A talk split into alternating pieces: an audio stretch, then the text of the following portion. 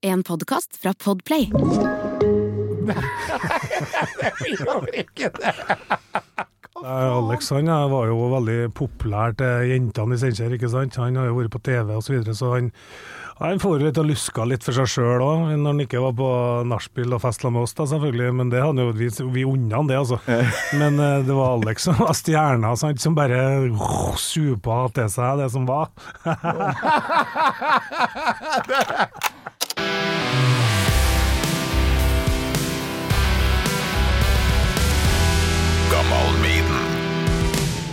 Du kjører solbriller, ja? Ja, er ikke på, vi er ikke på video?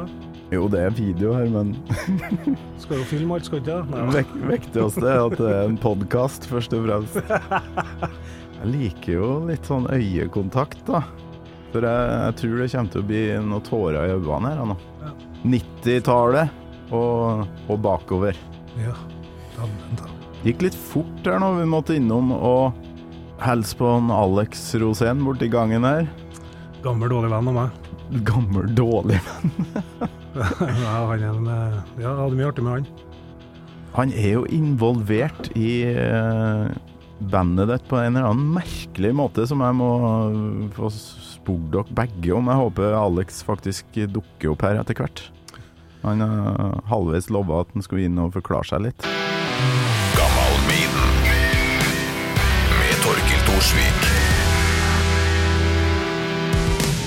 Men Remi, eh, Frank Det, ja, det er Frank, Egentlig. det, det er Frank Remi. Ja. Men, eh, men det slengte vel egentlig foreldrene bare på sånn til pressen i 71 for at han ble, skulle bli fornøyd. Okay. Så jeg har aldri hørt mora mi bruke det, det er Frank, så det er Remi som, eh, som en går under da, egentlig. da. ja. Ja. Remi, da må du få på headsetet som ligger der mest det med det, ja. Ja, det kommer jo noe lyd og forskjellig. Skal vi peise på? ja da, kjør på. Remi Breivikås, hjertelig velkommen til Gammal Maiden. Ja, tusen takk, det er en stor ære det, altså. Ja, for, i hvert fall for meg. Det er jo for meg det, å få være med i et program om Maiden. Det, det er ikke alle som får, for å si det sånn. Har du hørt på Gammal Maiden? Jeg har, jeg har, hørt, eh, jeg har ikke hørt alle programmene, men jeg har hørt mye på, på Gammel menn. ja. Ja, kult. Og jeg har hørt veldig mye på deg opp igjennom. Det tror jeg ikke er like vakkert, men uh, artig det, da. Det her, eh, du er Steinkjer-bygg. Eh, Kanskje eh, dialekta mi blir litt breiere nå, når jeg har en sånn kar på besøk. Eh, Men vi må få forklart dem som hører på, eh, som ikke er trøndere. Eller nordtrøndere, kanskje, for eh, bandet ditt Hat, det ble et, eh, og er jo fremdeles, et fenomen fra Steinkjer som hadde stor påvirkning faktisk på my mye av musikkmiljøet og sånt. Um, er det mulig å forklare det på en kort måte hva hat egentlig var for noe, og er? Ja, på kort så måte er det ikke mulig å forklare, men, eh, men og, og for de fleste som sikkert hører på, så er jo dette helt uh, hva, hva er det for noe? Det er jo helt ukjent, sikkert.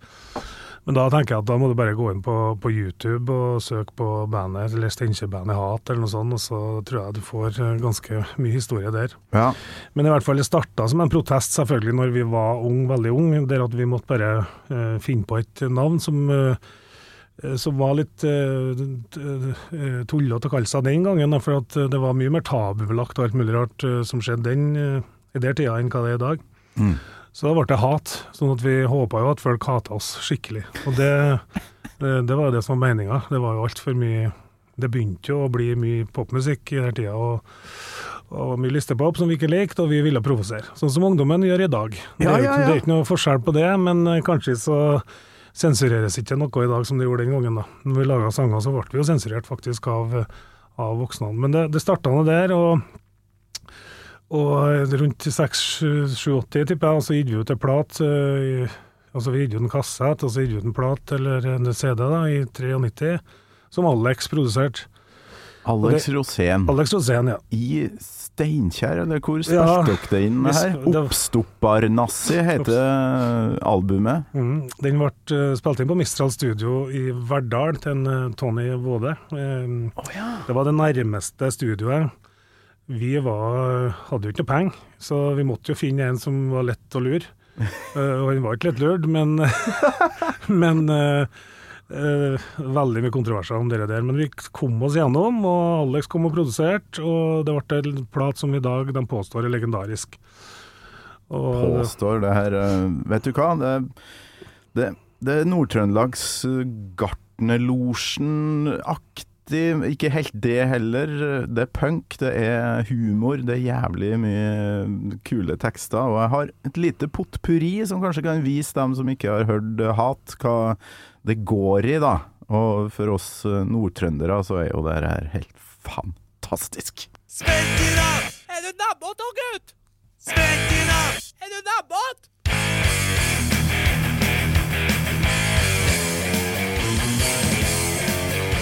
Han best ut av livet skal han best. Han best ut av livet skal han best. Usikker, usikkert, visst ikke hvor jeg var. usikkert. usikker. Rusla han i hand med vakera. Rundt og sprang det folk og babera.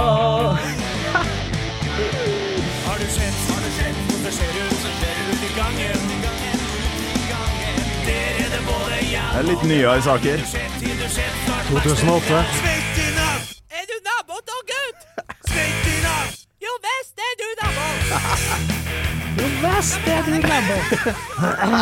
falsetten der, ja, den er fra 93. Det avslutta med gammelt, men det var et eh, lite innslag fra 2008 der. Men altså, det her er nordtrøndersk ungdom tatt på pulsen. Jeg kjente meg så jævlig godt igjen i det dere holdt på med her.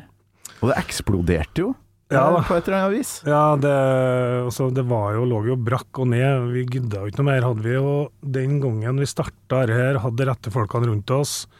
Uh, guida oss litt, rann, eh, fått skeipa oss opp litt og trykt på litt, rann, så kunne vi sikkert ha turnert mer i Norge i dag, på noe vis. Ja. Men det skjedde jo aldri. Vi var heller ikke noe interessert i Vi var ikke interessert i sånne kommersielle ting. Vi skulle feste og drikke og pule og spy, og skjøte med bly. Eh, og da selvfølgelig karsk. Det var ikke noe annet enn det som gjaldt. ikke sant? Og, og vi for rundt, og alle sammen som eh, Samme hvor du var hen på ungdomsfester, så, så hørte jeg disse sangene. da, og vi, vi, Det henger noe med oss. Vi slipper ikke unna det. Og det, det er litt morsomt, da. Og vi har jo spilt øh, vi, vi, kjem, vi har jo lagt ned bandet mange ganger. øh, og vi, det var jo definitivt død her når, når bassisten vår gikk bort. Uh, Altfor tidlig, selvfølgelig, av, under forskjellige omstendigheter. Ja. Eh, og da hadde vi en kirkekonsert i Steinkjer kirke i forbindelse med Steinkjerfestivalen, som det var kø For dere som vet hva som skjedde på Steinkjer, så var kø helt bort til gamle Steinkjersandene. Og det kom inn bare 666 Nei, 662, tror jeg. Å nei, nei, det skulle ha vært 666. Eh, så, så det var stappholdt, og da var vi ferdig med det. Ja. Men så eh, ble det jo covid, og så måtte vi jo lage en streamingseanse. og Vi var de første som gjorde det på Steinkjer òg, med Ah. Vips. Og på 45 minutter så vippsa de inn ca. 50 000-60 000, Ja. som vi gikk bort alle pengene. Alle pengene til organisasjonen Leve. Eh, Bortsett fra at vi betalte Altså vi måtte betale produksjonen, da. Så de fikk seg en 25 000-30 000. Mm. Så, og så, det siste kapitlet, jeg kanskje ikke skrevet, men det er i hvert fall skrevet en bok. Og eh, på, på grunn av det så har vi spilling nå på Steinkjer, eh, i den nye storshowet til Steinkjer, på Kulturhuset, den 18. november. Der de eh, la ut billetter en onsdag klokka ti, og det tok 17 minutter, så var alle billettene utsolgt. Og det har ikke skjedd på Steinkjer siden Riverdance var der i 2003. Så det, det er litt morsomt, da. Riverdance og hat. Yes. Så Nei, det er helt tullete, egentlig. Det er jo helt konge. ja da, så vi skal, vi skal vi, Det kan vi bare gange billettinntektene med antall folk, og så ser du at det genererer en del penger, men vi skal bruke opp pengene på tull. Så det er ikke noe problem. Du har med boka. Den er Hør på her. Den er ganske tjukk og tung, altså. Det er 330 sider nesten, og det og heter 'Større enn Beatles'. med en gjeng med døgenikter som går over et uh, fotgjengerfelt her. Riktig. Det var en eh, Litt sånn Beatles-style. Det var en eh, kopi av Beatles i Abbey Road eh, i 93. Det der, så bildet er jo faktisk 30 år gammelt, og det var Adressa som hadde en reportasje den gangen. Så er det i Steinkjer? der, det er rett utenfor studio i Verdalen. På Verdalen, ja. Mm. Den usensurerte historien om fenomenet hat. Det her er et fenomen når jeg er hjemme i Trøndelag, treffer gamle kompiser, treffer musikkfolk, så hører jeg fremdeles sjargongen deres, da. Som spredde seg til Namsos, Kolvereid, sørover, Trondheim. Folk sier 'si det' veldig ofte. Den Ja. er jo direkte henta fra Si det. Si det. Den derre Og biet, ja. Var det dere som eh, Det var vel det bie. Det, det biet, ja. Den lever videre på Svartlamoen, i hvert fall eh, veldig greit. Det er bare Steinkjerbygg som bor på Svartnamoen. Så det er ikke noe rart. Men det her hjelmene i gangen-klippet, som avslutter låta 'Svett i natt', ikke sant? Ja, ja, Eh, stemmer. det ble jo en sånn farsott som vi satt og hørte på gang på gang. Er det Ja. ekte det, det må nå være ekte vare. Det var det som var så fett med det. Det, det er ekte. Det er det, det som er fett med det. Fordi at eh, Og jeg har hørt veldig mange som var der. Dere står jo om i boka, selvfølgelig. Men eh, jeg har hørt veldig mange som var der den gangen, når mora til trommeslageren kom inn og tok og reiv den klassiske, legendariske kjeften der. Men eh, sannheten var at det var jeg og han der og Kaka Kvam som satt der og fikk uh, spyla oss med kjeft fra ei særdeles hissig mor. da. Og hun var sånn hele tida. Hun var ikke eh, det var ikke den, bare den episoden der, men det var da hun ble tatt opp, og det, den eh, tror jeg går igjen. eh, Har, har i hvert fall gått igjen veldig mange ganger opp gjennom årene. Og kassettspilleren eh, gikk, så det her ble tatt opp. Er det greit at jeg spiller av litt? Ja ja, det, det bare å spille av den. For det her er, jeg vet ikke om folk på Østlandet, Vestlandet, Nord-Norge kan forstå hvor legendarisk det her er for nordtrøndere, i hvert fall. Så blir jeg så forbanna at jeg sprekker totalt. Se det. Og da kommer dere jaggu ikke inn her noe mer, nei. Hvordan skal du til hjemmene, Ja, det er bare å legge igjen dem på mopeda. Ja, det ble en stille for noen Ja, siden. Ja, det er jeg gir jeg blanke faen i. Ja, du har ikke medlidenhet og andre folk Nei, jeg har ikke det, men jeg jeg har medlidenhet ved at jeg skal gå og ta imot kjeften av Synnøve, ja. Ja, men jeg kan, hvorfor kan For ikke det er tross alt jeg som betaler leiligheten, og jeg må til å få bestemme lite grann her. Sier det? Det er bare å fjerne, vet du, gangen. Small dør igjen. Ja da. Det, det, vi hadde en eh, Det var ikke noe Det var ikke noe uh, telefoner den gangen. Det var, vi hadde en kassettspiller som vi kjøpte fra et sånn uh, røykskadesalg som uh, vi het, Han het Forhanden. Oh, ja. Sånn at når vi var på fest, så hadde vi bestandig med handen. Så må Handen? Handen, ja. Må ta med handen. Han der, Ja, på et vis. Handen må bli med, da. Den, han dere der. Så han han eh, var med på alle festene, han, så jeg tror da han trommeslageren tror jeg hadde en bærepose med opptak av alt mulig rart, egentlig. Men så lenge ikke det blir digitalisert, så forsvinner jo etter hvert, det er synd. Men, eh, men eh, den gangen så var det jo kanskje enda artigere å sitte og høre på det der enn enn det er i dag, da. Men og han han hadde en egenskap at du kunne skru opp tempoet på det du spilte inn.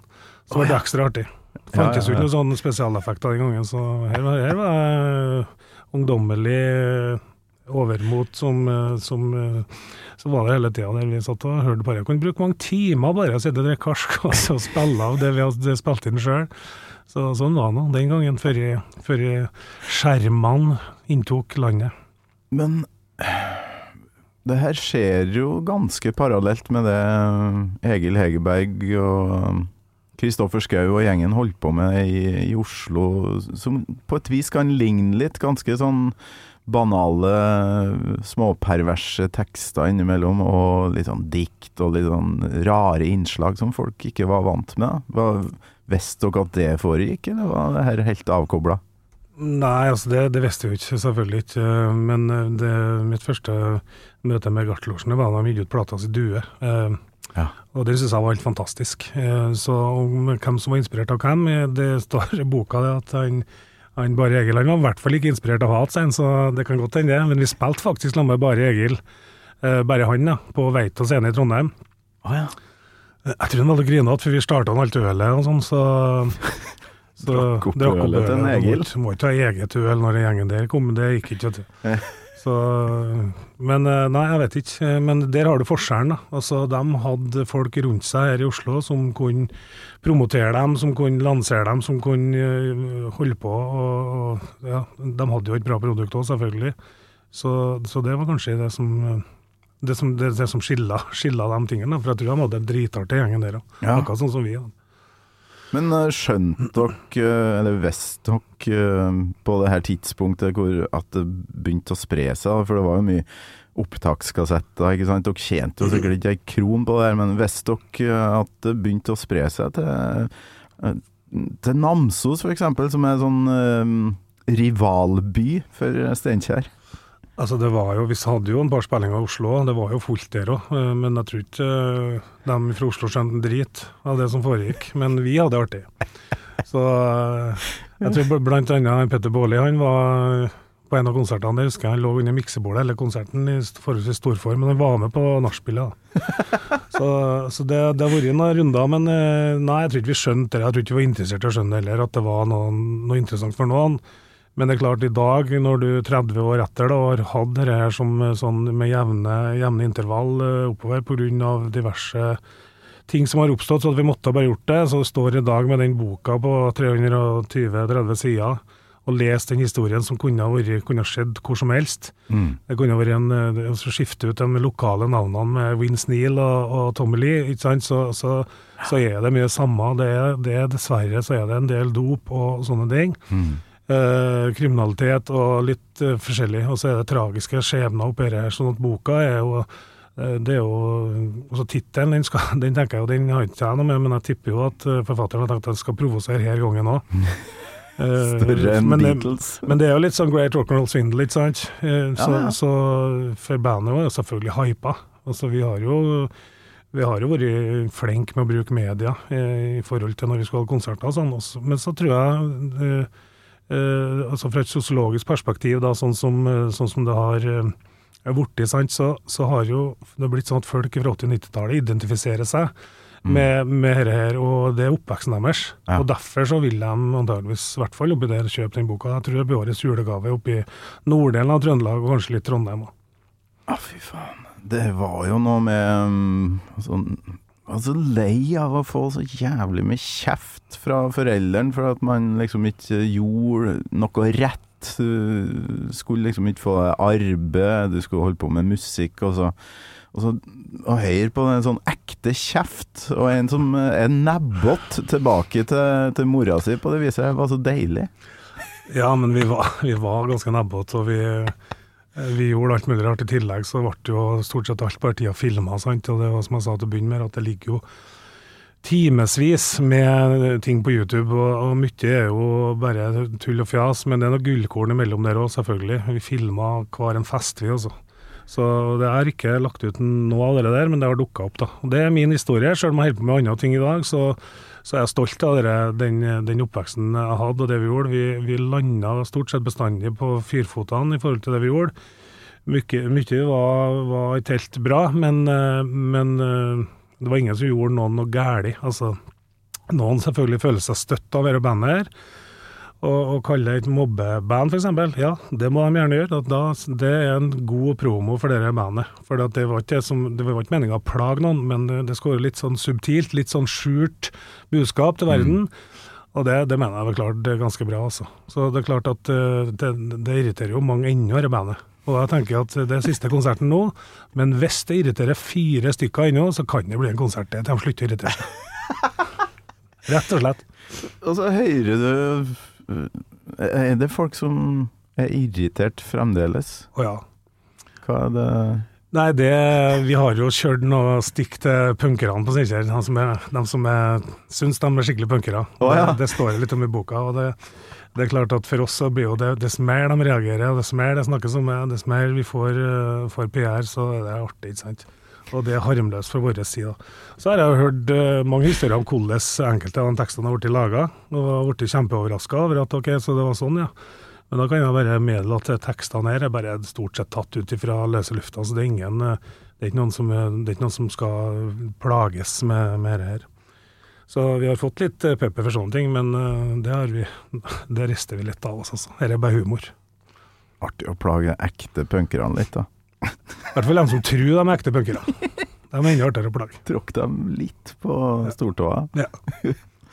Vi må finne ut hvordan Alex Rosén, som i 1993 var en travel kar, egentlig ble involvert i noe greier eh, langt farsken oppe i Nord-Trøndelag etter hvert. Men nå, Remi, nå må det handle mer om deg. Så du får den, det klassiske spørsmålet om du husker første gangen du hørte Iron Maiden, Remi Breivik Aas. Å ja. Det husker jeg vel. det, Altså, akkurat hvilken sang det var eh, veldig tidlig på 80-tallet, det vet ikke jeg. Men jeg er ganske sikker på at det var fra Number of the Beast-plata, og jeg tipper at det var faktisk Number of the Beast. Det er jeg, det er jeg nesten sikker på. For da, når den starta med den stemmen eh, og, å, øh, fortelle om det nummeret. Sant? Så bare der, allerede der var det noe som skjedde, ikke sant. Og så starter de gitarene og det øh, arrangementet på Number of the Beast med og 666, ikke sant. Det var jo tøft, for det var jo jævelens symbol symbol og, og tall, sant. Og vi, når vi så altså, tallet i seg sjøl, og så hadde kom jo filmer etter hvert med damen og Altså, det alt bare var en sånn herlig pakke med ting som ikke foreldrene har noe med. Og da ble jo det spilt, ikke sant. Um, uh, så jeg, jeg tipper det var den sangen da, som var min første sang da. Men jeg er ikke, jeg er ikke sikker, nei. Jeg kan godt den, Men det var da jeg fikk øynene opp for at her er det et band som vi er nødt til å høre mye på. Og da var jeg, for min del så var det jo kassetter akkurat da. da. Allerede her så er du sånn eh, vil vekk fra foreldrene sin verden og inn, inn, inn Ja, ja. i din egen. Ja, dem eh, Altså, jeg må nesten takke foreldrene mine, for dem, eh, dem skjønte jo fort at det var lurt å være borte i helgen. Når vi installerte oss med musikkinstrumentene i kjelleren. Jeg var jo, jeg var jo trommeslager i, tidlig, altså, og vi hadde jo utstyr, vi. Og det er klart, å sitte og høre på dette kveld etter kveld, eh, det krever litt av foreldrerollen, for det var ikke, det var ikke syntromma det der, altså, som var muta. Det var gamle, gamle Jeg husker ikke på hva, først- hva førstesettet mitt var, men det var i hvert fall eh, laga i hvert fall lyd. Og det er klart at når Nico McBrain, når du fikk se han på en video fra når videoene kom, da, mm. og du så oppsettet hans, ikke sant, eh, eh, så bare drømte du deg helt bort. da. Det klarte jo aldri å få et sånn oppsett som han, men det var jo å ha mest mulig trommer fra åtte tommer, kanskje i seks, og en hel rekke bortover, sant, og da ja, Run to the Hills, ikke sant, så har du, da spiller han jo på nesten alle damene sine hele tida, så det var bare helt søkke, det var bra. Da, og vi spilte, jeg tror vi prøvde å covre noe sånn, jeg og han, eh, han Torbjørn, som heter, som var gitarist i, i det bandet vi snakka med i stad. Han mm. var en utrolig flink gitarist, og jeg tror vi covra litt sånne, og hadde noen introer og litt forskjellige, og drømte Ja. oss litt bort. Vi var ikke så gamle da, altså. Hvordan var det du fikk tak i Det må nå ha vært noen VHS-er her, da, med eh, Nico på, og, og ikke minst eh, albumene. Ja, eh, jeg husker ikke at VHS-en kom, jeg, men det var, så, det var ikke så tidlig som i 82, nei. Men, eh, og da var jeg bare 11 år, men, eh, men jeg husker på at jeg hadde det på kassett, og så gikk jo vel noen år sånn rundt midten, da, kan du si, 4-85.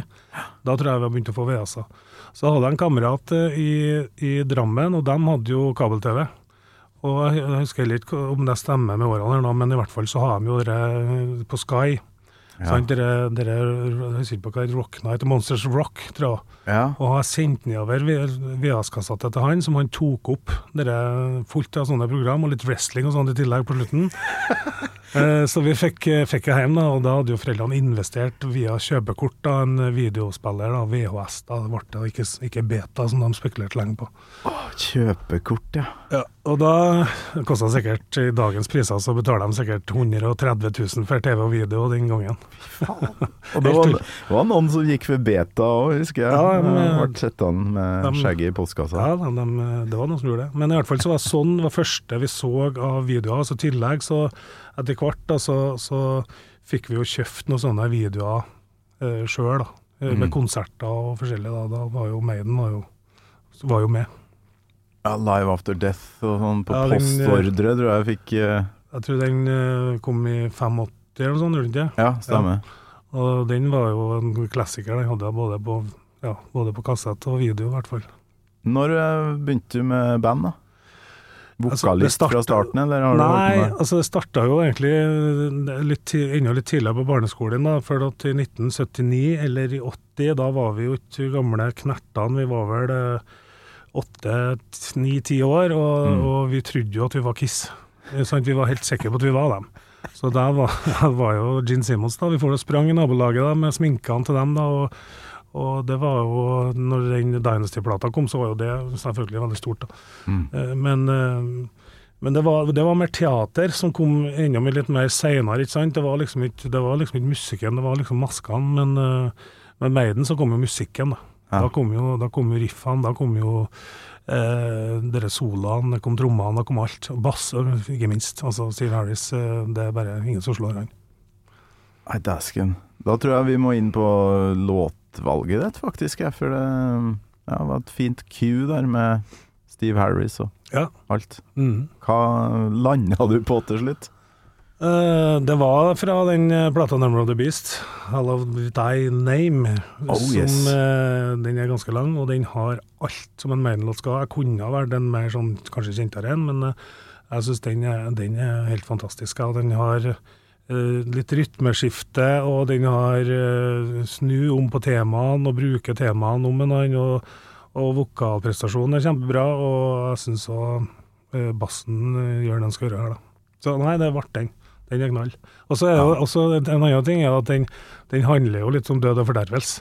Det Ja. handler jo om en som skal til galgen, ikke sant, eller bli kappa hodet, og det er jo en trist story. Men eh, og hvordan, eh, hvordan eh, Bruce Dickinson klarer å synge alt en skal ha fram her, eh, det der budskapet, det er så mye som tekst om det, og hvordan husker jeg det, Ja, men det ble, ble jævlig bra, det.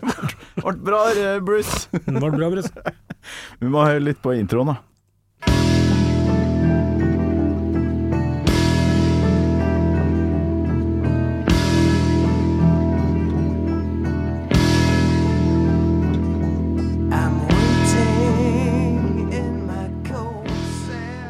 Yes. Yes, in the cold cell.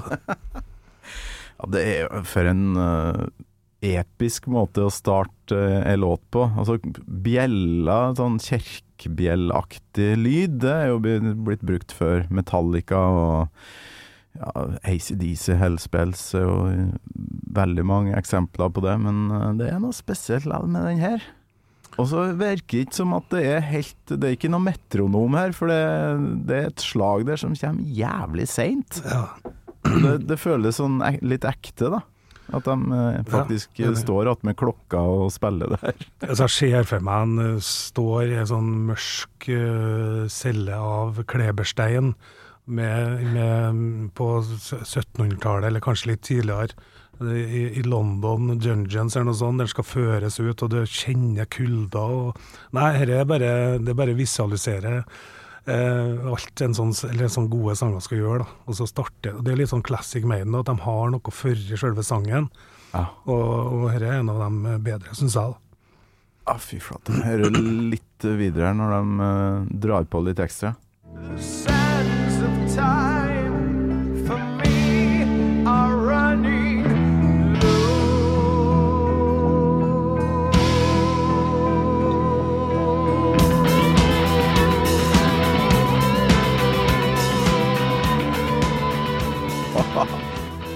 Begynner de allerede vet du, med gitartemaene sine, som de snur og vender og vrir på under hele sangen. Ah. Men det er jæklig kult det du sier om den situasjonen, den cella, det er kleberstein, liksom. Du har til og med valgt deg en steintype. Jo, men det, det er jo Nidarosdomen, det. er jo sånn, det kommer jo fra eh, overalt, de steinene der, og det skal jo være kleberstein. Det skal ikke være vanlig støpt stein, det, de hadde ikke det. De høgde ut stein når de laga fengsel. Ja, ja, ja. Men fersken Kan du komme på noe annen låt der du ser og blir sett i en sånn eh, teatralsk, bortimot situasjon som dette her, på samme aviset av en tekst, da? Det er jeg begynte å tenke på nå. Hva mener du? Ja, ja, det er bare å gå gå andre på. band òg. Jo, men jeg tenker jo, hvis vi tenker Maiden først og fremst, da, så, Ja. så er vi jo på ACSI for eksempel. Ja, da, er du inne i Da sitter cockpiten, du ja. der, altså. Ja. Men, eh, men søskenbarnet til ACSI Tailgunner, Da, da er du òg med å bombe dressen og sitte klar til å skjøte ned, så det, du er rett tilbake til krigen. Ja. Men, eh, men eh, det, Og det finnes sikkert mange andre band som har der du, der du kjenner litt på situasjonen, men Ja, kanskje Maiden er jævlig god på akkurat det. For Ja, det. Trooper òg, vet du. det er- som å ligge i gjørma Ja, der. Og, og se at hestene tramper rundt ja, deg. Og bare, bare åpningsstrofa, sant. Jeg tenker life and take you to, sant. Da vet du at ok, vi skal ut i krig. Den er grei. Ikke tenk på det. Men eh, sant, du har jo nyere band som har kommet med litt samme sant, De har jo masse tema med den. Sant, og eksempel Sabaton er jo veldig opptatt av krig, og andre verdenskrig spesielt. Ja, ja. Og dere får det jo litt sånn når de har show, så tenker, kjenner jo litt på det med krigføring, i hvert fall. ja. Det er ikke noe tvil om. Så de har nok, eh, de har nok hørt mye på Maiden, tenker jeg. Det har de nok gjort, ass. Jeg bare lurer på hva det siste, neste klippet her egentlig er, for det står første vers. Er det ikke det vi akkurat har hørt på? Vi må sjekke det ut.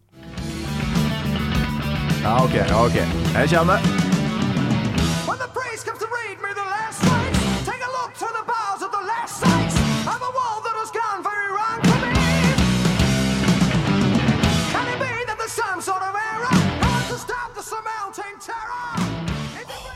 Ja, det Der har du igjen, altså, dere Maiden-tingen, altså med perfekt eh, stopp og start og vokal som synger alene. Ja, det er bare en eh, Det er bare en, eh, er bare en helt uh, forfrysninger å hører på sånn uh, gammel, gammel Maiden som dere. Så bra. Vi treftes jo i et 60-årslag i Steinkjer tidligere i år, var det vel? Tida går fort. Um, og da nevnte du at du har hørt en del på Maiden, men jeg ante ikke at du har et såpass eh, varmt forhold til det. Det har jo gjester som sier at det er et viktig band som har fulgt meg i den retninga, sånn at jeg er den jeg er i dag. Kan du si, er det noe sånt hos deg? Nei, jeg har hørt altså veldig mye Maiden eh, på de kjenteste platene, altså fra eh, fra The Number of the Beast, da, og selvfølgelig Peace of Mind, Power Slave, Mm. eh, og helt opp til Seven Son over Seven Son i 88. Men da da kom det altså da, da gjorde de en del andre ting som da, Det er jo sånn med de gamle bandene, sant? Ja, når du drar på konsert med dem, Ja. så ønsker jeg å høre de sangene som, som sitter fra ungdommen. Sant, ja. Det er jo ikke noe vits for dem egentlig å lage noe nytt. Fordi at de, de, de, det er ikke det vi vil høre.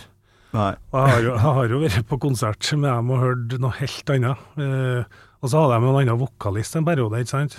Ja, var du og så det, eller? Nei, jeg var aldri så Nei. det, for da var, ble det ikke band, det ble just another band, sånn som det skjer med veldig mange andre band òg. Mm.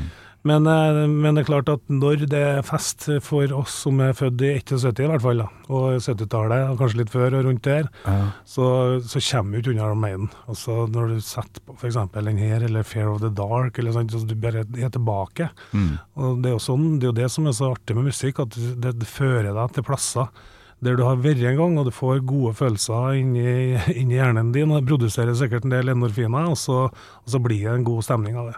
Ja. Så sånn sett så, så Maiden er jo bestandig med på spillista mi. Samme hva jeg hører på, om jeg er ute og sykler eller går, så må jeg innom Maiden. Det ligger bestandig noe Maiden der.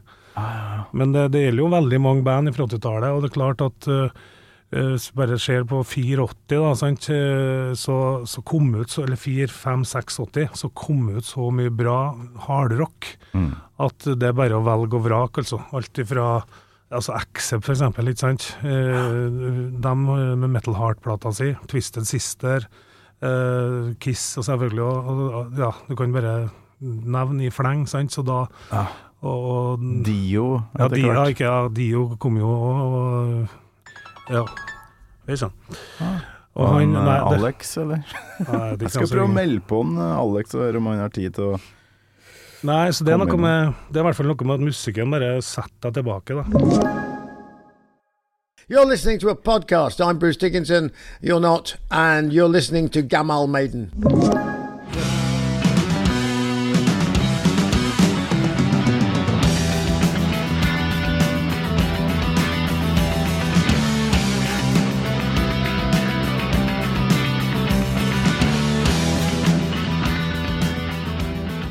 Det er det, men sangen den går liksom i behagelig tempo, samtidig som at uh, siste to minuttene, sant, så bare Det kjennes ut som de øker tempoet, men de øker ikke tempoet, de skifter takt. Eh, så, så det, og da så snur de om på det Snur de om på det temaet her, ikke sant? Ja. Så det det er, liksom, det er jo mer enn eksperter på akkurat denne biten her. Taktskifter og bruk temaene sine gjennom hele sangen. Men uh, omvendt, ja. Blant annet. Fikk melding om at en Alex skulle komme innom her, sånn at dere kan få forklare meg hvordan eh, det samarbeidet kom i gang. Men Maiden er jo ikke akkurat hat, Nei, det er men, men det er et band likevel med mye humor i kulissene. Nico McBrain er jo en sånn artig kar. Bruce Dickinson har òg jækla mye god humor i ting han gjør. Men hva var det som fikk dere inn på den derre karsk humoren deres? Nei, det tror jeg altså Han i han med, i vadera, liksom. Det er så jævlig fin eh, powerballade, det. Ja, det er jo en eh, powerballade, og det var jo sagt, og det tror jeg er nok en vandrehistorie, at, eh, at eh, Dag Ingebrigtsen var sjalu på den, at det var noen andre som laga den sangen, eller den melodilinja. Eh, det, det vet ikke jeg om stemmer helt, det må nesten spørre han om, men eh, mest trolig så kommer han til å si nei på det. Vi plukka krabber mens pengeboka ble knabba. Det ligger torsk og vaker. Blir du med heim og bake? Det var bare som det var. Altså, vi måtte jo Dette ordtaket en får ikke artigere enn kan finne på eller gjøre sjøl. Det tror jeg gjaldt mye mer på 70-, 80-, 90-tallet enn hva det gjør i dag. Eh, fordi altså, det, det, du hadde ikke Du konkurrerte ikke med, med skjerm. Du konkurrerte ikke med PlayStation og, og alt det som, som er kjempeartig, selvfølgelig, i, sine doser. Eh, Så, så vi måtte ut. Vi måtte ut og finne på ting. Vi kunne ikke, ikke sitte inn og vente og se på, på prøvesignalet til NRK eh, til at barne-TV starta klokka seks. Da vi måtte ut. Vi hadde jo ikke eh, telefoner. Se der! Så der, ja. Der er en Kommer en Alex. Alex i, ja, altså. Rett fra Kolvereid. Du kan ikke sette deg der, eh, Alex. Så hyggelig, da. Ja, vi stunta oss jo inn i din podkast i stad, så nå, eh, nå er det din tur. Og det var fantastisk altså, dere kom. vi snudde jo opp ned på hele situasjonen. Ja. Vi ødela episoden deres, og nå er det på tide at du får være med her og forklare Du har et forklaringsproblem. Det er 1993. Remi her som har fortalt om hat og oppstoppernazi. Eh, Det var et brutalt år. Et brutalt år. Du var, 1993. Det du var jo i, allerede i, te, i fjernsynet. Hva, hvordan jeg, jeg kom fra turné jeg. Ja. med Go-Go, Gorilla. Ja. Vi hadde hatt superturné i tre, to år. Full rock'n'roll. Og så var det et sammenbrudd med Go-Go Gorilla sommeren 93. Okay. Og det førte jo til Go-Go Gorillas oppløselse. Og så husker jeg ikke helt hvor jeg møtte hat. Jo, det var på NM i rock. Du var dommer. Var det det? Og så var det, det var 40 band sånn som var med. Og, og de var i Oslo, eller? Nei, det var Trondheim. Og Hat fikk spille to låter, for de var så kort, mens resten av bandet fikk spille én. Resten av bandene fikk spille én. Og da ble jeg forbanna. Nei, men du bare tenkte at uh, du var jo klar for en fest og ville ha artig, sånn som vi. Sånn at uh, vi kom på sjetteplass, faktisk. og, Alex bare Fy faen, det der er så bra! Det der er så sprengt! Ikke sant? Ja, men jeg ville at dere skulle vinne. Ja, det tror jeg faktisk. Jeg tror du stemte for det, men så var det det var sånn bare flinkiser som vant. Ja, det var det. så. Og så kjedelig. Det ble, skjedde jo ingenting med dem. Nei, nei, det står, står om det i den boka, og hvem som vant og hva som skjedde og sånn. Det var jo ingen som hørte fra Det er dem fordi at det er ikke alltid det er smart å være så veldig flink. Noen ganger så kan det være veldig mye sjarm eller veldig mye magi. Og magi er det feteste når det oppstår i musikk. Og det var det som skjedde. Denne magien her kom jo fra helvete. Ja, ikke sant. Og da mener jeg ikke det tettstedet som er ved siden av flyplassen der oppe, Hell. men jeg mener helvete, for at dere så jo ikke ut. Nei, det er sant. Det har du helt rett i. Dere hadde veldig rare klær, og det måtte jeg ordne opp i, for du kan gjerne se ute ut eller se ut som du er på tur, Ja. men det er til og med Det kan være stilig der òg. Det er ikke alltid det er kult med en prikkete regnfrakk. Det kan være bedre med en prikkete truse. Det spørs litt hvor og når, ikke sant. Men det, dere minnet meg om Butthole Surfers, og de var helt ute på tur. Og løp rundt med megafon på scenen og Og det var litt sånn. Samtidig så var det veldig bra musikere. Og da vil jeg absolutt fremheve Thomas Stokkan. Veldig bra bassist. Ja, og men han spilte jo hva som helst. Han kunne jo Han hadde musikkøre som ikke ringte noe. Han hørte toner, han hadde attitude. Han, han var jo han, han var legende. And, som han eh, And. Han, ja. And, akkurat som Du, hund. du sliter litt med den der uh, And. trøndersken. Ah, Nei, det sliter ikke i det hele tatt. Hund. Hund. And. And. Ja ja, men da har du Jeg, jeg sliter, for trøndersk er så funny. ja, Sist du Sist du nevnte den, eh, Stokkan, så sa du ein, ein husker jeg. Ein, ja, men Det er sånn som du sier når du skal si det på Oslo, det. Men da visste jo ikke jeg at du var trønder. ikke? Det tar litt tid før den Kolvereid-målet kommer frem. Men det som er et sprøtt, er at de krangler om dette her overalt i, i, i Nord-Trøndelag, som det het i gamle dager. Dette er nordlige delen av Trøndelag. For eksempel i Namdalen så har du et sted som heter Skage. Ja ja. Men det er noen som mener at det heter Hund. Ja ja ja, men, Og da det, mener jo jeg det, for det er ikke sant. men hund er jo et eh, litt lenger nord, da. Ja, Fra Skage. Nei, det er samme sted. Nei, er det det? Ja, så de krangler. Så Har slekt oppi fyker der oppe. Det gjør de jo uansett, men Heter det hund, eller heter det Skage? Ja, men prøv, prøv den, da. Har du noe annet navn på Kolvereid? Nei. Kolvre. Ikke sant. Ja. Det er det som er så bra. Ja, Det er ja. et nytt navn overalt. Altså, de tettstedene er uenige i hva det egentlig heter. Det er så. Steinkjer er jo Dor, da. Ikke sant? Der har vi det igjen. Dordenkjer. som- Dor, ja. ja, Vi kalte bare det på Dor. Dor. Ja, og så har du militærleiren.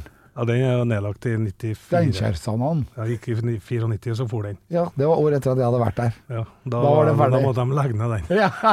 Da var det det var ingen som var våpenkyndig i hele Steinkjer.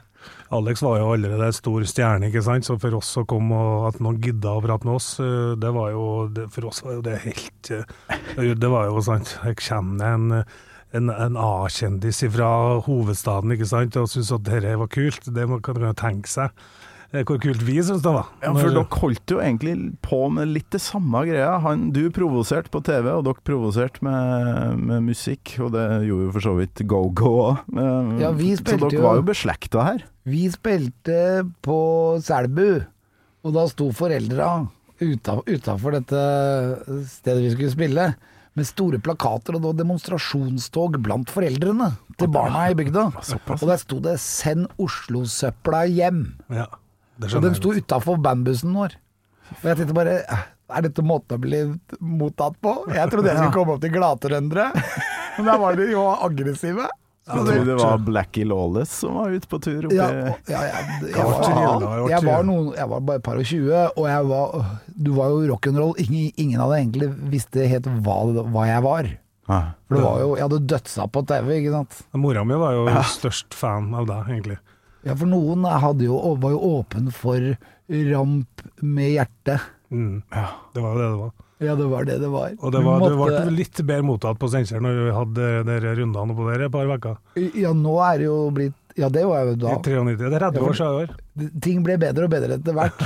Men Det det var veldig aggressivt i begynnelsen. Men så var det det at den, 30 år. Ja, 30 år siden i år vi gikk ut den Oppsopernazzi-plata som Alex produserte. Som. Alex produserte. Hvor gikk reisa fra du ser dem på NM i rock, til du plutselig sitter i produsentstolen da, og produserer det her? jeg, jeg var på turné egentlig hele tida. Og, Ja. var, hun, spilte overalt. Og så plutselig så skjønte jeg at det var sammenbrudd med Go-Go. Ja. Og da hadde jeg plutselig et ledig øyeblikk. Og det var på sommeren. Det husker jeg vi kjørte motorsykkel. Det var sent den høsten, tror jeg, for dere frøs som faen. Ja, og han fyren han fant jeg i skapet mitt, han som kjørte meg. O'Malley het han. Ja. Han lå inni skapet mitt, og det var et sånt hjørneskap, og det var helt lukka. Og så tenkte jeg, hvem er det som Hvor kommer den snorkinga fra? Og han klarte å ligge altså på under en halv kvadratmeter inni det skapet. Der lå han og sov. Kjølberggata. Ja, så da hadde jeg fått en telefon av dere, og så våkna han og sa kan du kjøre meg til Steinkjer? Ja, da trodde jeg Steinkjer var litt utafor Elverum, men at jeg var ikke helt sikker på hvor det var, da. Vi hadde jo ikke kjørt over Dovre ennå. og han hadde en BMW, gammel BMW fra 60-tallet, sånn som politiet hadde før jeg blei født. Ja. Det var helt rå BMW. Og så sier han ja, vi, vi må dra med en gang, sier han. I, fra inne fra skapet. så han blei mannen i skapet for meg. O'Malley? O'Malley. Thomas het han egentlig, men han ble kalt O'Malley av Thomas gladjentene. O- Oli. Ja. Auli. Thomas Auli. Ja. Han kjørte oss oppover, og vi kommer opp der, og kommer da opp til denne gjengen. Da er ikke de i Steinkjer, de er i dalen ved siden av, Ver- Verdalen. Og de er i studio i Verdalen, og der begynner det. Og da vil du høre gjennom hele denne plata. Den, kunne jo, den endte jo opp med veldig mange låter, og så jeg plukka ut de låtene jeg syntes var best. Okay. Og det er jo egentlig de seks første eller åtte låtene eller noe på plata. Det er oppstoppernazi, det er usikkert, det er eh, Svett i natt. ja, Svett i natt. Svett i natt, ja. Ne masse, Nekrofil kjeppjaging. ja. Lakentrollet. Ja, eller, eller Morten Harket er homo. Det ville jo f.eks. vært veldig upolitisk eh, korrekt i dag. Altså, fullstendig himmelsk. Men det var jo gøy. Nishkishi-lishi? Hva Nisjikishilishi med potetosjomos. Ja. Det er nakkekoteletter med potetmos på eh, Steinkjermål. Dere kan Alex, vet du. Han er jo helt Han Jeg er har lært nesten det. Jeg, lært jeg sier det hver gang jeg er i Trøndelag. Har du nisjikishilishi? Faen, du må ha klisterhjerne. Men, det, men dere, hele den boka som vi snakker om, da, som alle selvfølgelig må kjøpe hvis dere vil høre litt eh, hvordan det var å være tulling når en var ung, eh, lamme Alex òg. Den, eh, det står jo, det starter jo med studio. Det, det starter med studio, og så går det litt tilbake igjen, og så, så, så får du liksom hele historia, da. Og skal du få til noe, så må du ville det med hele deg. Du må dra sant? på, du må gjennomføre. Eller så blir det ingenting. Og så vi da som uh, fikk det her fortalt Jeg tror, vet, sto det noe i media om det, jeg vet ikke. Men uh, vi så jo før altså, Fy faen, nå har Alex vært i Nord-Trøndelag, og det, de har sikkert drukket karsk, og fy faen, de har sikkert sittet i vekkasvis Hvor lenge, hvor lenge var du der, eh, Alex? Og drakk du karsk? Jeg var der nok et par-tre uker, tenker jeg. Nei. Et par, par uker, tror jeg. Ja. det var, Det var, det var helt fantastisk. Det var fest hver dag. Altså, det er jo Trøndelag. Så du var jo- der så lenge? Ja, jeg var der kjempelenge. Inn og ut av det studio, og vi var hjemme hos Darr, og Ja, ja, Darr er trommeslageren. Han er helt utrolig. Han har lagd sin egen gravstøtte som han har bak senga. Og der står det Darr, og så står det når han er født. Men siden han ikke har daua ennå, så står det ikke noe der. Men, men gravstøtta er klar. Ja, det tror jeg. Og da satt jeg der og så på akvariet hans. da. Med piraja. alle fiskene var daue. Ja, jeg hadde jo, jeg hadde, jeg hadde jo masse piraja som, eh, som en testa ut eh, mora sine akvariefisker på. Ja, så For å se om de overlevde pirajaangrep. Det gjorde de ikke. Nei, det Hva faen? Nei, det var, kunsten er stor, den dreier seg om alle ting. Hvordan husker du det her, eh, Remi? De Nei, altså, jeg husker, jeg husker veldig godt. Jeg, Alex han eh, var jo veldig populær til jentene i Steinkjer. Han har jo vært på TV og så videre, så han, han får litt og luska litt for seg sjøl òg, når han ikke var på nachspiel og festla med oss, da selvfølgelig. Men det hadde jo vi, vi unna han det, altså. Vi hadde ikke sjanse på noen kvinnfolk. Vi ble kanskje så strødde seg litt i etterdønningene. Men eh, det var Alex som var stjerna, sant, som bare oh, supa til seg det som var. Er det sant, det? Er Men jeg må si som Anne-Kat. Den som husker noe 90-tallet, det var ikke der. Nei, men det var jævlig artig ikke sant, å ha, ha Alex rundt oss. Og det er klart når vi, får, så, vi var jo et underdog-band, og, og folk eh, vi, vi viste jo fingeren til oss. Men når vi troppa opp med Alex Rosén og Bestenkjer, da tror jeg det skjedde noe. Og så er det klart at dette er jo, Den historien er jo lang, det er jo 30 år siden. Og Alex har jo fulgt oss, han, og, og støtta opp og vært med. Og vært med på, var jo med på Kirkenkonserten òg, det som egentlig var begravelsa til, til bandet. Eh, var med og sang der, og snakka litt om en annen som eh, dessverre døde da, eh, altfor tidlig. Ja, Ja, og, Hva som skjedde med stokkene? Eller and? nei, altså han hadde jo sine, sine ting som han sleit med, i, for, både i forhold til psykisk helse og, og rus. Mm. Sånn at uh, til slutt så takla ikke kroppen hans uh, det kjøret lenger, og bare, han, han uh, bare døde. Han var en fugl. De beste dør først. Og det er, for han var helt Han var genuin. Han Ja. var sånn Kurt Cobain-fyr.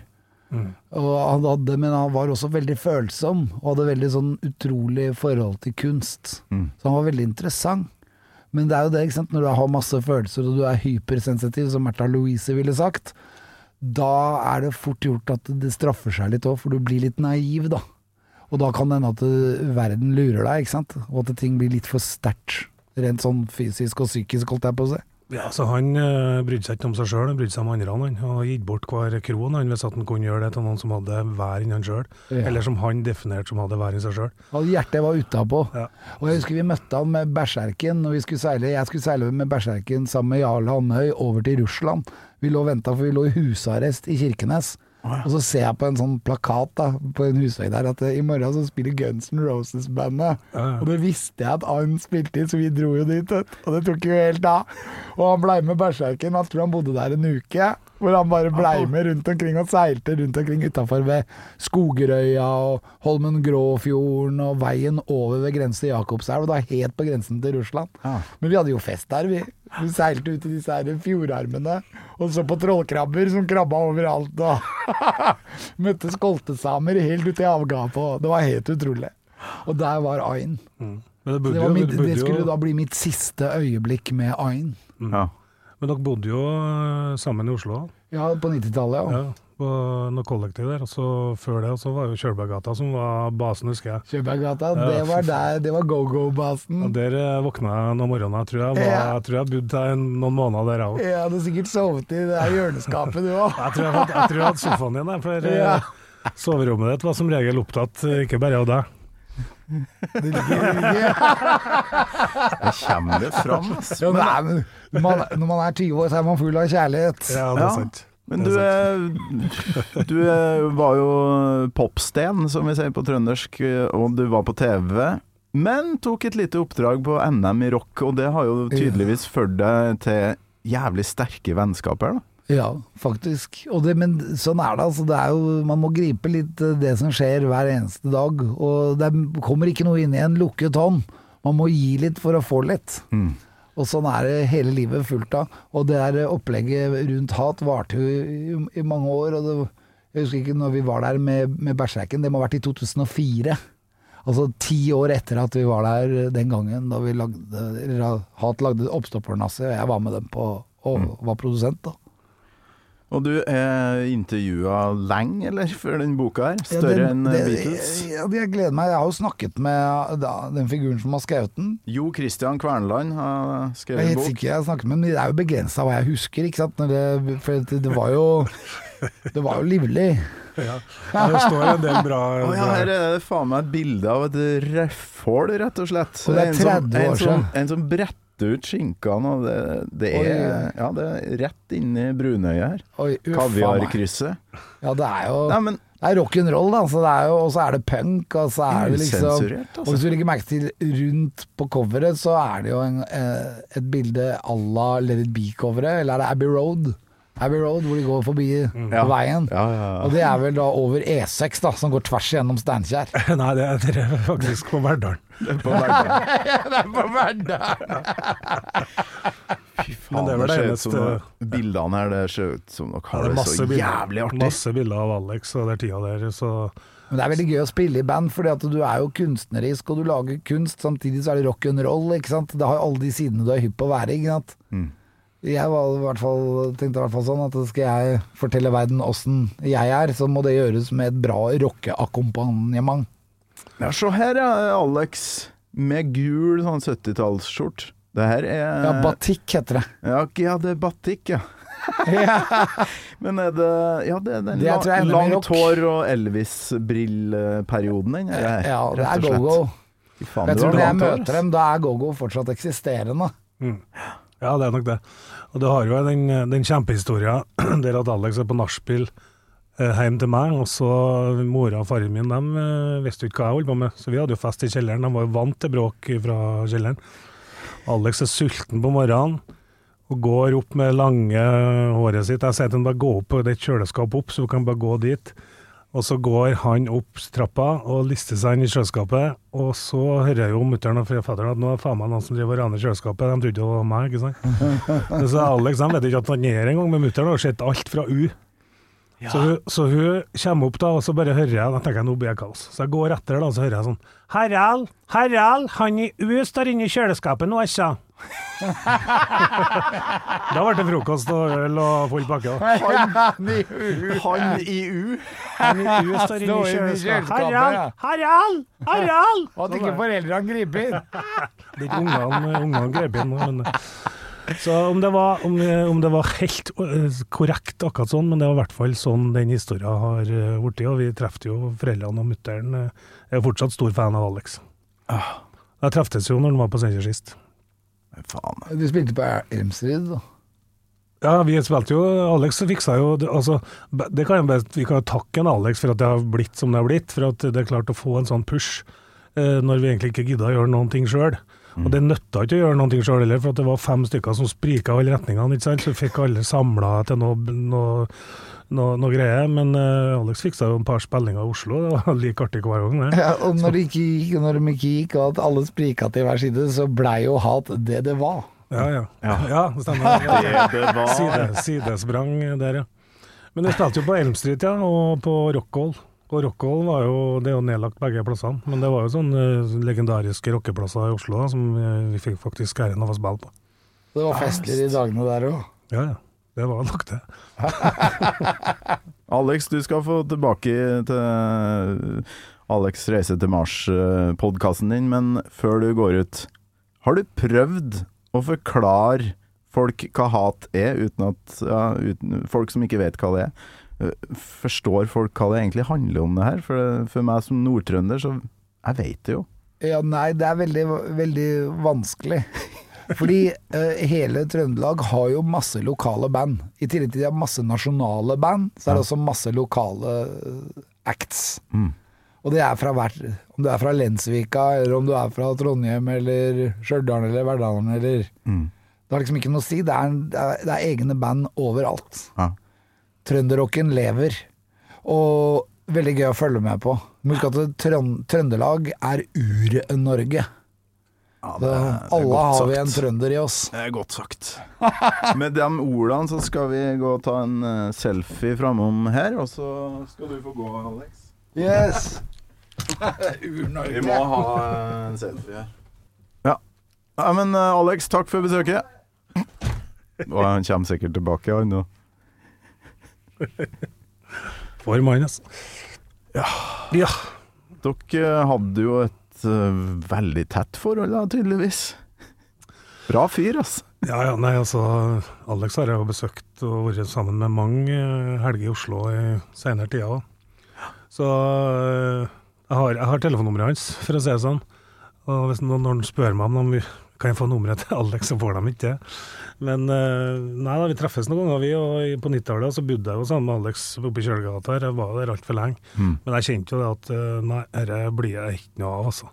Og vi hadde jo flere turer rundt omkring med eh, i Oslo på, med opplevd masse ting på den tida der altså, som var dritartig. Mange historier sammen med han. Hvor du havna hen? Hva holder du på med nå? I dag så jobber jeg med ungdommer, så det har jeg gjort siden jeg flytta hjem, egentlig. Så jeg jobber med ungdommer som har det vanskelig. Ja. Så det er det som jeg, jeg tok etter hvert eh, utdanning òg, så jeg har jo en master, master faktisk i, i knowledge management. Det var, den tok jeg egentlig for å, for å bare vise naboene at det ble noe av nabogutten. Ja, ikke sant. Ikke bare derfor, da, men det var litt morsomt. da. Det er litt greit å kan si noen ganger når folk eh, identifiserer kun med det hatprosjektet. ikke sant? De kjenner jo ikke meg i det hele tatt, og så eh, finner de plutselig ut at faen, det er jo en som eh, har gjort litt samfunnsnyttig òg.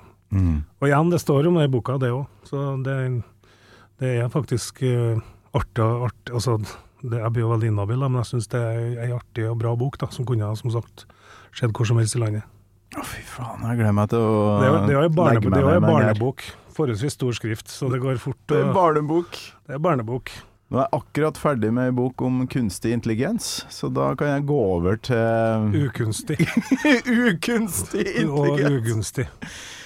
Fy faen, for en gjeng. Og det var mopedhjelmer i gangen, og dere Men dere, Og pyroflash. dere fikk til noe, da?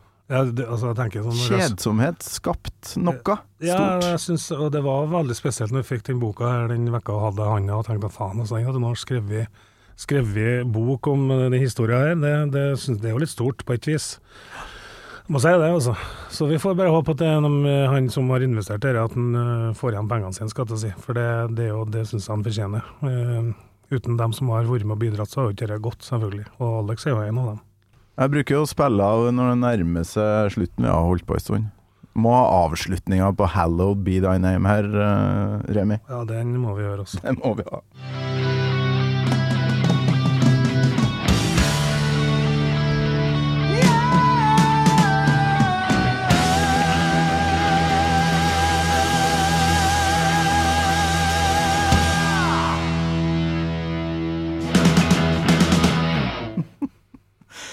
Åh, nei, det her har vært jæklig koselig. Det er jo sikkert mange som hører på som ikke aner hva vi snakker om her, men uh, Garantert.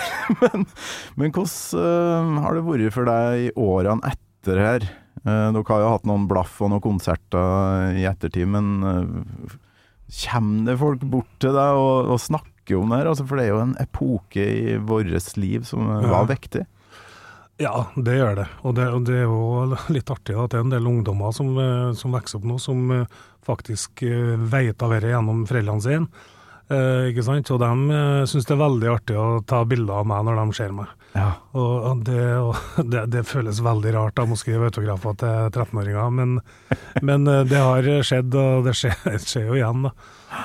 Og nå blir det jo boksignering og sånn, da, så begynner vel sittende og skrive, da. Det skal nå på fredag så, så kommer jo boka i salg i bokhandelen oppi der, da. Den, om den blir distribuert videre, vet ikke jeg, men uh, jeg har i hvert fall sagt at, uh, til noen av kameratene mine at de må komme, så kommer noen i hvert fall, da. Så får vi nå se om det, om det kommer folk og vil ha denne boka.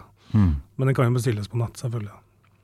Så blir det konsert i november. Hvordan ser den uh, settlista ut? Er det oppstoppernes i Ja, det, den er vel kanskje ikke med, men eh, det er, det er gamle, stort sett gamle sanger. Jeg tror det er eh, 12-13 sanger som vi skal gjennom. da. Men det blir, det blir show. Også. Vi har jo bestandig brukt pengene våre på Pyroflash og, og ledde inn litt eh, folk som eh, gjør litt eh, artige ting. Så jeg skal ikke røpe for mye, men det kommer til å bli en helvetes åpning.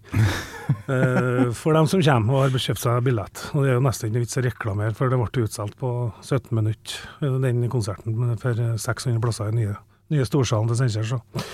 Og det, kjære lytter, det er jævlig godt gjort i Nord-Trøndelag å selge ut 600 billetter så fort for um, det er ingen som gjør det på 17 minutter, bortsett fra oss. Riverdance. Ja, Riverdance gjorde det i 2003. Som er veldig bra. Ja, for min del, da, i 1993 Jeg hørte fremdeles på Fair of the Dark jeg, på den tida der, og, og gravde meg tilbake i Maiden-katalogen. Flytta til Namsos da, og skulle gå videregående, og så får jeg denne hatgreia via noen eldre gutter. Og da Nei, eh, det var bare sånn lit, en sånn terskel videre på et vis, da, for jeg var jo stuck i Maiden.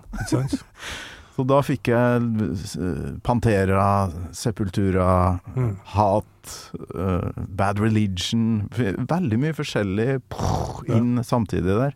Og dere var en del av det, altså. Mm. Nei, men uh, sant, det var jo altså 80-tallet, og en ting som er så kom jo alt det andre igjen på 90-tallet. Så, så, men eh, han som eh, altså Der vi òg hadde den påvirkninga, for det var jo fra trommeslageren. Altså der han importerte jo alt, og det var den samlinga han hadde av av death og når det starta, det er det ingen i Norge som har, det er jeg ganske sikker på. I hvert fall så var han først ut, og han kjente jo alle de guttene i, eh, rundt omkring i de store bandene Mayhem og hva de het for noe alt sammen. Ja. Så, og det var ikke å komme dit og sitte, sitte og prate. Da var det høy lyd. Skulle vi prate, så måtte du gå hjem. Så da satt vi her og, og hørte og så og forska på alle platecoverne. Og det var, han var tidlig ut på death metal, altså Venom var jo en av de første. han. Ja.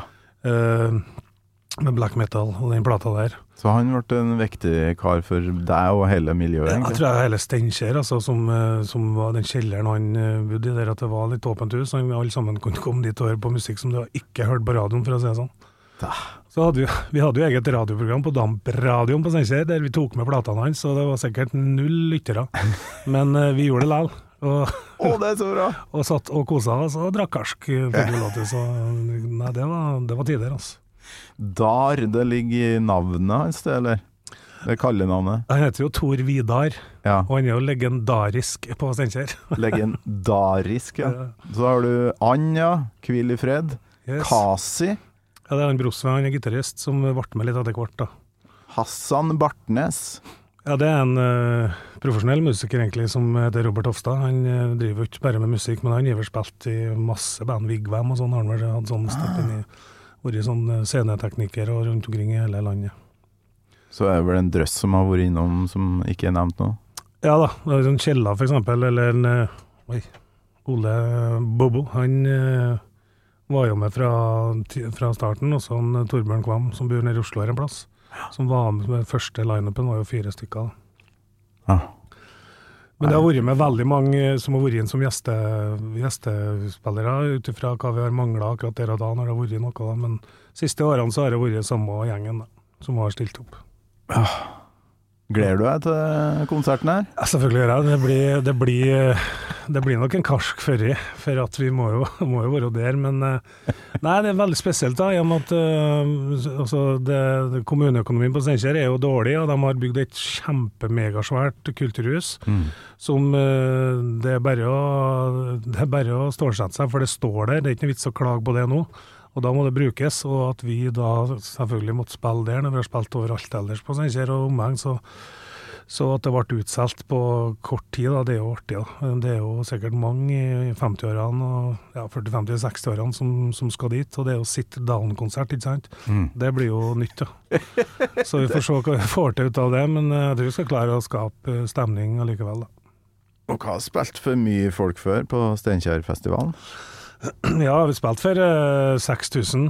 Da var det CC Cowboy som varma opp for oss, faktisk. Jeg tror ikke Morten Rønneberg skjønte hvorfor et band som het Hat skulle spille etter dem, men eh, det fikk de beskjed om. Så jeg tror ikke han skjønner det den dag i dag. Men uh, det går kjempe, for meg blir jo CC Cowboys det er jo et oppvarmingsband. Og ikke sier jeg til han, det. Tigergutt, Ja, ja. kom og ta meg. Ja. Men der, ehm, der ser du noe vektig. Det her er jækla vanskelig for folk utafor å forstå, men jeg håper vi har ehm, fått ja, klarhet i litt av hatfenomenet hos dem som har våga seg inn på den episoden her. Ja, ja, det Og litt Maiden òg, som har vært viktig for deg. Maiden har bestandig vært viktig når en først fikk snusen til det. Altså, det er ikke noe tvil. Det er fortsatt eh, et band som, eh, som jeg sa, jeg hører på hele tida. Jeg fremdeles beæret, Remi, for at du tok eh, turen, eh, ikke bare for å møte meg i, Oslo her, men på seminar, og Gammal Maiden, så jeg må bare si tusen takk for at du kom. Ja, men det er min ære. Jeg syns det var helt fantastisk å få komme til det fantastiske showet ditt. Det, det begynner så smått å bli litt legendarisk å høre her, og du har jo holdt på en stund, så det er bare å stå på, Ah. altså. Ja, må bare kjøre på videre nå. Ja, ja. Er det noe vi har glemt å si? Nei, ikke annet enn at eh, de må kjøpe boka. De vet ikke hvor de vet jo ikke hvor de skal kjøpe den. Nei, hvor er det? Det er på en, eh, Sørlig musikk Nei da, det, det, dette går på nett. Altså, du går inn på svettinattalfakrøll.gmail.com og skriver at du vil kjøpe boka. Å Så får du kjøpe den. En e-postadresse? En e-postadresse Smakk, smakk. som uh, forfatter og en uh, Svein Bjørge som, uh, som har, da. Det er dem som styrer det der. Ja, ja, ja. Svein Bjørge er vel kjent for eh, ganske mange, tipper jeg. Han var med og starta Tons og Rock og alle de store festivalene rundt omkring i Norge. Svein Bjørge skal jeg ha på besøk òg, når han er i Oslo. Ja. Det er en jækla viktig kar for både Steinkjer og Rocke-Norge. Altså Tons of Rock. Ikke Hva sant? faen? Han har gjort Det er så svært blitt. Ja, og han har gjort utrolig mye for, eh, for Steinkjer også. Han er en fantastisk fyr, flott fyr og, og ha i omgangskretsen sin og, og snakke med og feste med og det ene med det andre. Turer og Nei, fantastisk flott fyr. Må opplyse om, da, hvis noen skal inn på den e-postadressa, at svett skrives E S-V-E-I-T-T Ja, på trøndersk. i natt i ett ord, gml.com. Da får dere boka i posten. Remi, en eh, ære har det vært, så hjertelig takk for besøket. Takk for at jeg fikk komme, Torkil. Kjempebra. Gammal Maiden med Torkil Thorsvik. En podkast fra Radio Rock. Nisjikisjilishi med potetosjomos. Ja. Det er nakkekoteletter med potetmos. Jeg sier det hver gang jeg er i Trøndelag. Har du nisjikisjilishi? Ja, men jeg kan, hvorfor kan vi Det er tross alt jeg som betaler leiligheten, og jeg må til å få bestemme litt grann her. Se det? Det er bare å fjerne vet du, gangen. Du har hørt en podkast fra Podplay. En enklere måte å høre podkast på. Last ned appen Podplay, eller se podplay.no.